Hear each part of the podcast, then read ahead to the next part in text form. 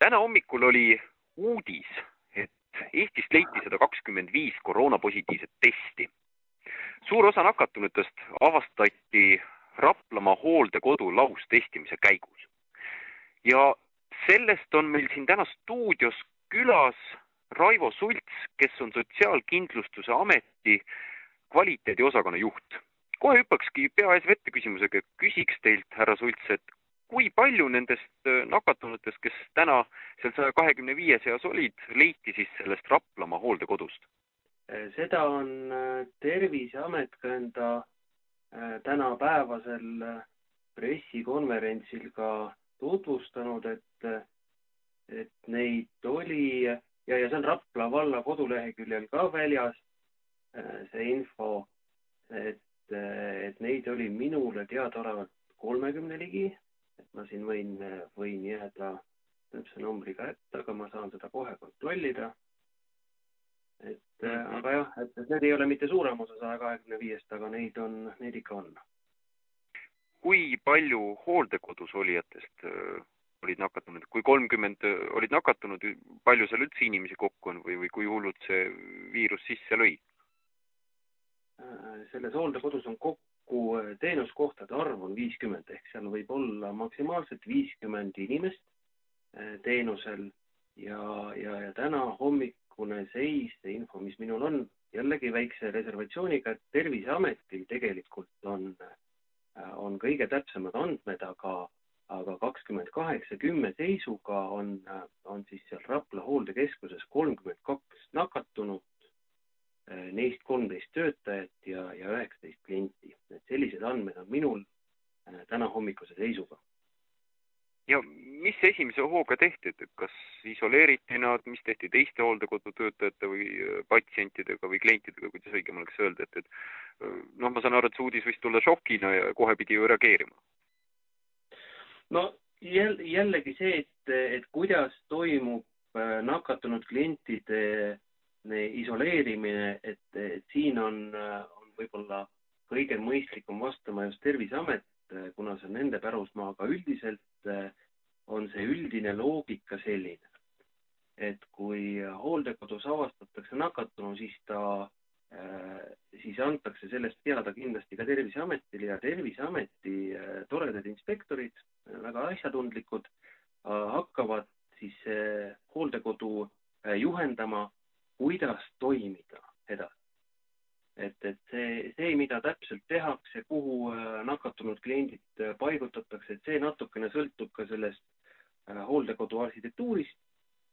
aga Terviseameti inimesed on, on väga asjatundlikud ja, ja aitavad hooldekodudel neid, neid teemasid lahendada, et, et, et see, see on, on väga hästi toimis see kevadel ja, ja toimib praegu kas on ka teada, mis seal juhtus või kuidas see viirus sisse sai sinna Rapla hooldekodusse äh,? minule teadaolevalt äh, tuvastati seal kõigepealt viirus äh, mõnda aega tagasi kas oli ikka töötaja, jah, töötajate kaudu, aga kes need töötajad täpselt on, selle, sellele ma jään vastuse võlgu, et mm, -hmm. et ja, ja üldiselt ongi see see tendents praegu äh, pigem selline, et, et, et ikkagi töötajate kaudu viirust levib, et, et aga kevadel oli samamoodi. no muidugi üldi, üldiselt vaadates ühiskonda, siis äh, on võrdlemisi rahulikult võetud seda Covid-19 levikut muidugi Eestis praegu ja need numbrid ei ole ka nüüd nii väga kõrged olnud, aga hooldekodudest muidugi küsimus on see, et, et millised need kaitsemüürid üleüldse seal on, et kas nad on võrreldes kevadega kuidagi kõrgemad, karmimad ja paksemad või, või on nad öö, samasugused või on nad senimaani olnud leebemad? no ma ütleksin, et kõige suurem erinevus kevadega seoses on teadlikkuse tõus. ja, ja kindlasti ka vahendite kättesaadavus, ma räägin siis isikukaitsevahenditest, et, et noh, kui Äh, kui võtta, et, äh, et kui teadlikud äh, on täna hooldekodu töötajad ja juhid sellest, et kuidas viiruse tõrjega toimetada, siis see teadlikkus on ikkagi palju parem sellest, mis oli kevadel. siin on riik, Terviseamet ka ja, ja meditsiinisektor kõvasti pingutanud ja koolitanud ka hooldekodutöötajaid ja, ja, ja juhte ja, ja, ja teadmist jaganud, et, et kuidas siis toimida, kui, kui viirus tuvastatakse, et, et ma ütleksin, et, et, et kõige suurem vahe on jah selles, et, et kui teadlikud töötajad hoolekandesektoris ja see teadlikkus on palju parem. teadlikkus on parem muuhulgas ka, ka selles, kuidas erinevaid isikukaitsevahendeid, maske, respiraatoreid, kindaid, põllesid kasutada, et see teadlikkus on kindlasti tõusnud. no muidugi kujutan ette, et kui enamasti tulebki hooldekodudesse viirus just nimelt töötajate kaudu, et, et siis nad, neil need eraelulised nõuded on ka ju palju kõrgemad või, või see peab olema ju tohutu pinge, mille all pidevalt töötada, teades, et sa võid olla risk. no siin on jah, see seab, see seab Äh, hooldekodu juhtidele nii-öelda kõrgendatud nõudmised enda töötajatega selles osas tegeleda. et, et keegi ei, ei peaks, peaks nagu igapäevaselt tundma ja tunnetama, et ma võin olla risk. See on tohutu koormus, tohutu psühholoogiline koormus inimeste peal ja neid teemasid tuleb omavahel ventileerida. et ja, ja ma ei ütleks, et, et ega viirus ei tule ju ainult töötajatega, vaid ka külastajatega võib tulla, et, et aga noh, siin ikkagi terve mõistus on see, mida, mida ma, mida ma soovitaks nagu kasutada, et, et, et kui keegi tõesti tunneb, et, et ta nagu hakkama ei saa, siis noh, enda juhiga tuleb rääkida, et ja, ja need, need teemad tuleb välja ventileerida, muidu need hakkavad, hakkavad mõjutama, et ma niimoodi võib-olla vastaks sellele. korra hüppan tagasi äh, selle tänase Rapla juhtumi kohta, et kuidas üldse see äh, välja tuli, ma saan aru, et tehti küll laustestimine, aga kas sellel oli ka mingi eraldi põhjus või, või oli see niimoodi nii-öelda juhuslik ja lihtsalt planeeritud, et vaatame, mis seis on? No seda, seda jällegi kõige täpsemini oskab kommenteerida võib-olla Terviseamet või noh, mitte võib-olla, vaid kindlasti Terviseamet.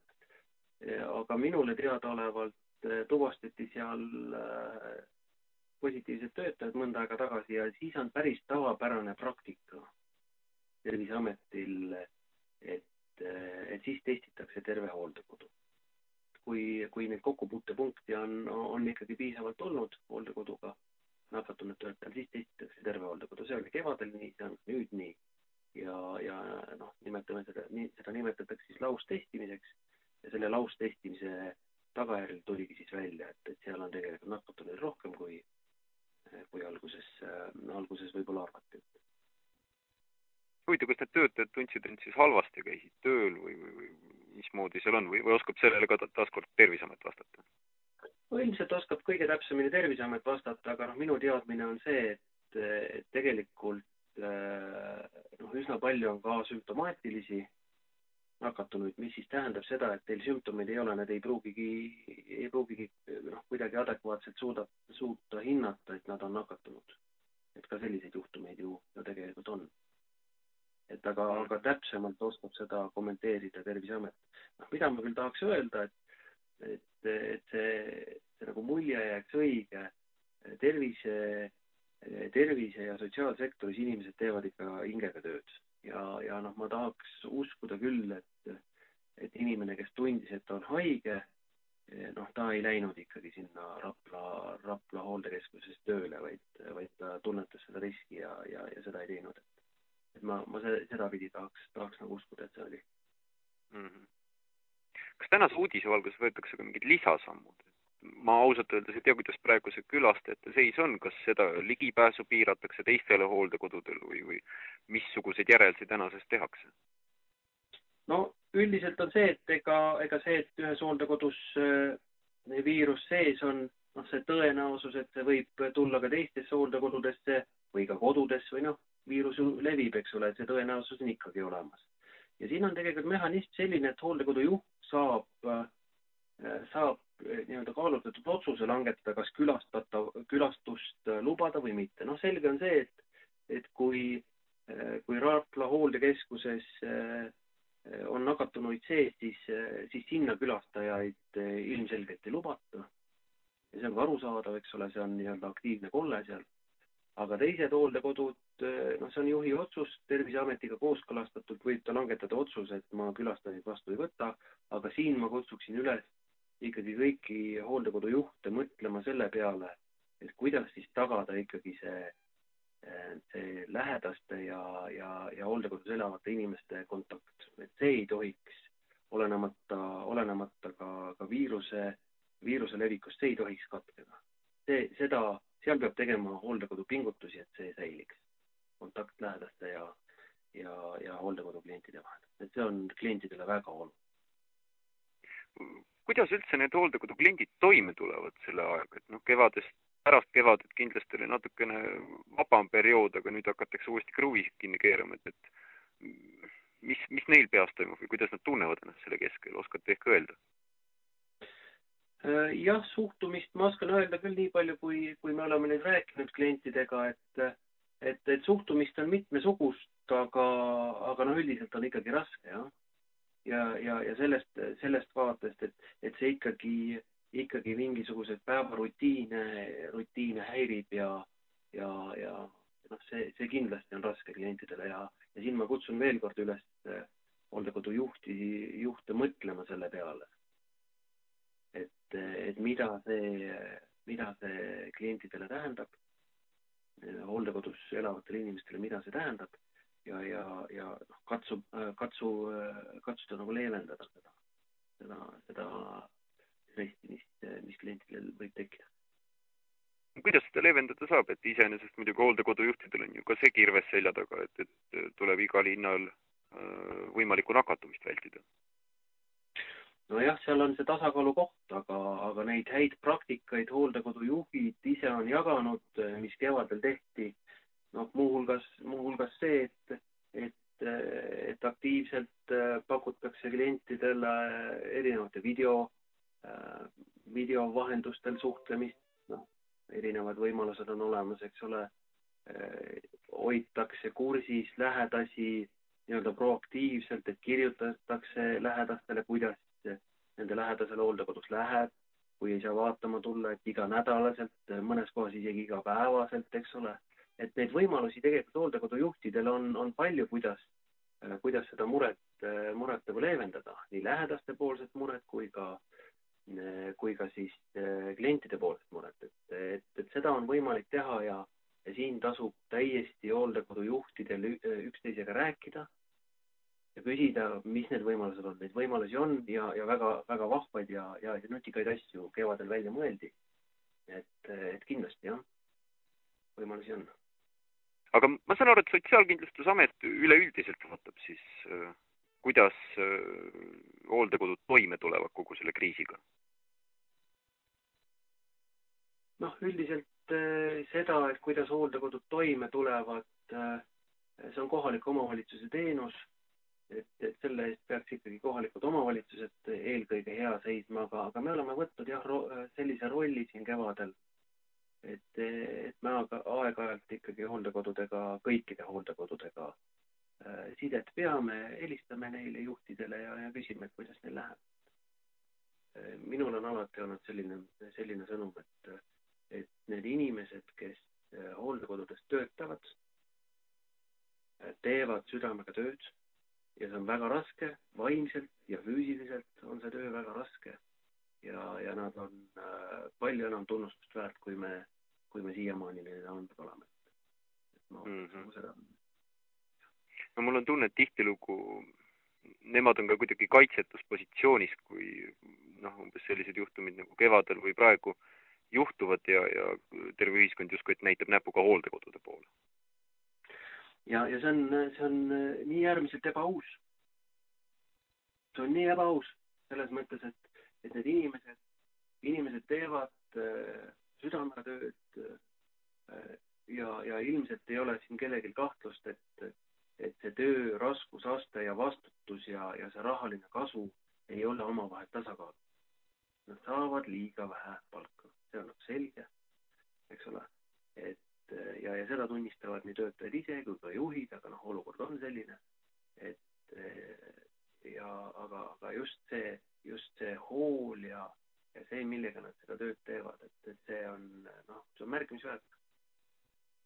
märkimisväärne. kuidagi on neile võimalik lisatuge pakkuda riigi poolt või inimeste enda poolt või mis oleks abiks? no meil on, meil tegelikult on erinevaid, erinevaid võimalusi siin, siin ka kevadel olnud, osad neist, osad neist ka jätkuvad nüüd sügisel. on siis, on siis erinevad psühholoogilised nõustamised, mida, mida riik on, on pakkunud just nendele töötajatele ka kriisiabitelefonid, millele on võimalik helistada. kevadel oli see natukene aktiivsem, noh nüüd praegu ei ole kriis nii nii, nii kõrgel, et või nii teravas tipus. et, et praegu võib-olla on see aktiivsus ka töötajate poolt jäänud vähemaks. lisaks on kõikidel, ma loodan, et kõik hooldekodu juhid nagu tunnetavad seda, et, et neil on võimalik pöörduda Sotsiaalkindlustusameti poole ja, ja küsida kas kirjalikult või, või helistada, need kontaktid peaksid olemas olema kevadest kõigil, et et eh, ega siin noh, tihtilugu ei olegi vaja muud teha, kui, kui ära kuulata ja, ja võib-olla natukene sellist head praktikat jagada. et, eh, et kui, kui inimene jääb kuidagi nagu üksi enda teemaga ja, ja ei, ei näe seda, seda lahendust kohe, siis, siis mõnikord tasub lihtsalt nõu pidada ja, ja, ja, ja me saame siin, siin aidata, et et mitte, et mitte, et meie ise, ise võib-olla teaksime, aga, aga meie kätte koondub nii-öelda seda head praktikat teiste, teiste hooldekodude teemadest, et et võib-olla sedapidi saame, saame meie abiks olla. küsin viimaks sellise küsimuse, et kas nüüd, kui sügisel äh, peaks uuesti see koroona möllama hakkama nagu kevadel, kas nüüd ollakse paremini valmistunud? ja ma usun küll, ma usun küll. ma saan ainult kommenteerida muidugi sotsiaalvaldkonda, aga noh, mis kevadel oli ju suureks mureks, oli see, et ei olnud äh, isikukaitsevahendeid saada. Äh, noh, juba sellest vaatest äh, oleme me praegu ikkagi palju paremas seisus. et teenuse osutajad on kindlasti endale varu ja ja teadlikkus, teadlikkus, kuidas kasutada, millal mida kasutada, et, et see kindlasti on tõusnud. et siin on Terviseamet noh, minu, minu hinnangul väga tänuväärset tööd teinud, et, et aidata, aidata nii-öelda järjele, et kas siis läbi juhiste või erinevate koolistuste või nõuandmiste, et, et väga tublid. siinkohal sooviksingi tänada teid äh, esiteks selle äh, töö eest ettevalmistamisel äh, uueks kriisiks, aga teiseks ka selleks, et leidsite kogu selle mm, suure tegevuse keskel ka selle pooltunnikesed meile siia saatesse tulla kommenteerima. jah, aitäh teile!